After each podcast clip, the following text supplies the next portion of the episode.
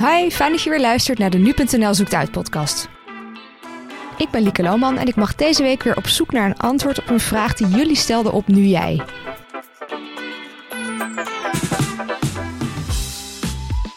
Deze week werd bekend dat Rob B. maar liefst 14 jaar onterecht in de gevangenis heeft gezeten. Dat kan je toch niet voorstellen? Een gerechtelijke dwaling heet zoiets. We hebben het al eerder zien gebeuren, bij de Puttense moordzaak bijvoorbeeld, of bij de Schiedammer Parkmoord. Maar komt zoiets nou vaak voor in Nederland? Even kijken. Wil je nog één keer wat zeggen? Volgens mij zit ik nu helemaal goed. Ja. Top. Bonne Kerstens, jij bent samensteller bij nu.nl. Lucia de B, Schiedammer Parkmoord. En deze week is er dus een nieuwe zaak toegevoegd aan het rijtje. Ja, dat klopt. Er is een nieuwe zaak bijgekomen. De Rosmalense flatmoord, zo is hij de afgelopen tijd uh, bekend komen te staan. En uh, die zaak draait om de 37-jarige Reggie van der Hogen... die in 2000 dood werd gevonden in de hal van haar flat in uh, Rosmalen. En naast haar lag een broodmes uit haar eigen keuken. En in de flat was ook haar vriend Rob, Rob B. En uh, die was op dat moment erg verward, maar heeft wel meteen de politie uh, geraadpleegd. De politie is gekomen en die heeft Rob eigenlijk direct gearresteerd. Terwijl hij zelf dus de politie had gebeld ja, eigenlijk? Ja, okay. hij heeft zelf de politie gebeld.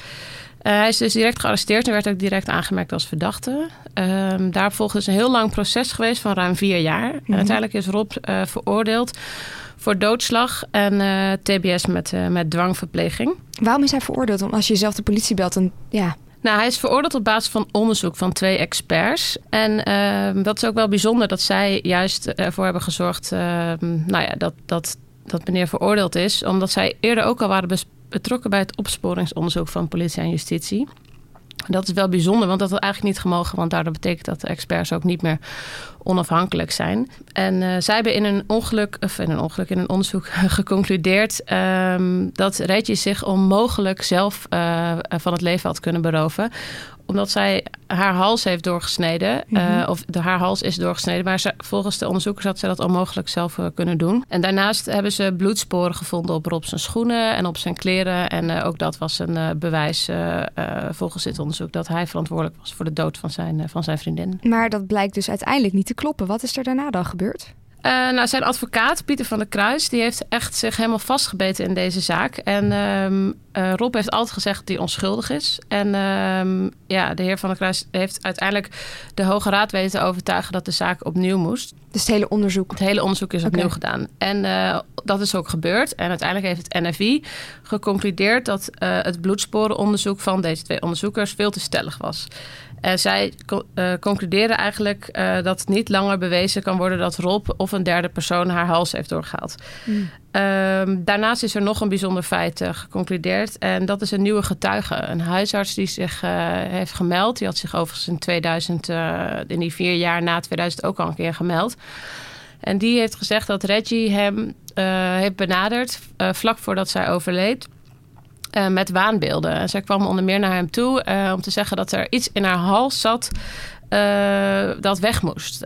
dat, en met de vraag of hij dat weg wilde snijden. Um, dus het zou ook kunnen zijn, al dus dit onderzoek, dat zij dus inderdaad waanbeelden had en uiteindelijk besloot om datgene wat. Ja, ja, precies, datgene dat in haar nek zat, om, dat, om dat weg te snijden. Is die huisarts toen nooit gehoord toen hij zich meldde? Nee, hij heeft, nee, hij, is, dat, hij heeft zich wel gemeld, maar ja. zijn verklaringen zijn nooit meegenomen in het, in het onderzoek. Getuigen die niet worden gehoord, onderzoekers die misschien een beetje een tunnelvisie hebben. Het kan dus maar zo leiden tot een verkeerde veroordeling. En eigenlijk is dat precies wat jullie je afvroegen. Hoe vaak komt dat voor in Nederland? Als er één iemand in Nederland is die mij op die vraag een antwoord kan geven, is dat rechtspsycholoog Peter van Koppen. Peter staat aan de basis van een project Gereden Twijfel. Dat is een project waarin studenten van de Vrije Universiteit onderzoek doen naar mogelijk gerechtelijke dwalingen. En wat daar wel bijzonder aan is, is dat zij in 2015 concludeerde dat het heel waarschijnlijk is dat Rob B. onschuldig is. Dat zijn vriendin zichzelf van het leven heeft beroofd.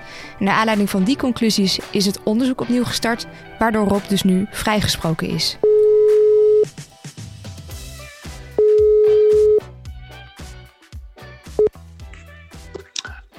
Peter Verkoppen. Dag Peter, ik uh, vroeg me af, gisteren is Rob B. vrijgesproken. Dat is eigenlijk in gang gezet door uw studenten. Hoe is dat eigenlijk gegaan? Nou ja, dat, dat, dat gaat anders. Ik, ik kwam advocaat Pieter van der Kruis tegen in het café tegenover het Hof Den Bosch. Mhm. En toen de, gewoon er waren aan het praten, zei ja, er zit één zaak zit mij vreselijk hoog. En dat is die zaak van, van Rob. En ik zei, nou, dan moet je je zaak aanmelden bij de gereden twijfel. En toen hebben we die zaak aangenomen. Mhm. En een, een, een, verse club studenten opgezet. En uh, ja, toen kwamen we eigenlijk vrij snel tot de conclusie van die man die kan het niet gedaan hebben. Ja, en gisteren dan, toen dat uiteindelijk bekend werd dat hij vrij is gesproken, springt u dan een gat in de lucht? Of baalt u vooral dat iemand zo lang onterecht vast heeft gezeten? Hoe, of allebei? Wat gaat er dan door u heen? Nou ja, je moet natuurlijk niet naar emoties vragen aan wetenschappers. uh, dat is natuurlijk een foute vraag. Maar kijk, wat, wat, wat, ik, ik word ook een beetje cynisch in de zin dat we hebben natuurlijk een hele hoop zaken inmiddels in het project gereden twijfel onderzocht. Waarbij, uh, niet allemaal hoor, maar bij een redelijk deel kan je, uh, bij een fors deel kan je zeggen, iemand is met te weinig bewijs veroordeeld. Mhm. En bij een, een, een, deel kan je zeggen, het is aanzienlijk waarschijnlijker dat hij het niet gedaan heeft dan dat hij het wel gedaan heeft. Ja. En dan is er af en toe een zaak die dan herzien wordt. En dat heeft toch veel kenmerken van een tombola. Ja. Ik bedoel, waarom deze zaak wel en een aantal andere zaken die ik uit minutieus kunnen vertellen, mm niet. Komt het nou vaak voor in Nederland dat er zo iemand, uh, dat iemand wordt veroordeeld voor iets dat hij niet heeft gedaan, wat dan echt bewezen kan worden dat hij dat niet heeft gedaan? Nou ja, kijk, het, het, het, probleem, het probleem is, uh, dat hangt vanaf wie, wie je het vraagt. Ja. Kijk, het, het, laat ik zo zeggen. We weten zeker dat het niet 0% is van de veroordelingen. We weten ook zeker dat het niet 100% is, dat het ergens tussenin. Oké. En je kan ook met, met droge ogen beweren dat het niet in de meerderheid van zaken zal zijn. Ja. Um, maar hoeveel het er precies zijn. Um, ik, ja, ik, ik ben natuurlijk als een keer met voor een hoofdstuk in een boek geweest. Laat ik nou eens een lijstje maken van de zaken waardoor mensen beweerd worden dat het echt dwaling is of ik er nou mee eens was of niet. Ja, en dan kom ik tot een stuk of 50, 60. Maar dat betekent niet dat het allemaal rechtelijke dwalingen zijn. Dat betekent ook niet dat ik daar alle rechtelijke dwalingen mee heb. Want ja. niet alle zaken komen bij ons binnen. Wat is, denkt u, in de meeste zaken eigenlijk daar de voornaamste reden dat iemand wordt veroordeeld terwijl die iets niet heeft gedaan? Kijk, wat, wat, wat eigenlijk het belangrijkste mechanisme is, is dat mensen zich mee laten slepen in een, in een vooropgezet idee hoe de zaak in elkaar zit. En uh, niet een oog open houden voor problemen die er kunnen zijn. Te weinig dossierkennis bij een rechter, te veel emoties tijdens een lopend onderzoek. Er zijn volgens Van Koppen verschillende oorzaken waardoor iemand wordt veroordeeld voor iets dat hij niet heeft gedaan. En ja, het komt voor, ook in Nederland. Ook in ons goede rechtssysteem, want zo noemt hij ons rechtssysteem wel. Dat het er superveel zijn, lijkt niet heel aannemelijk. Zeker weten doen we dat natuurlijk nooit.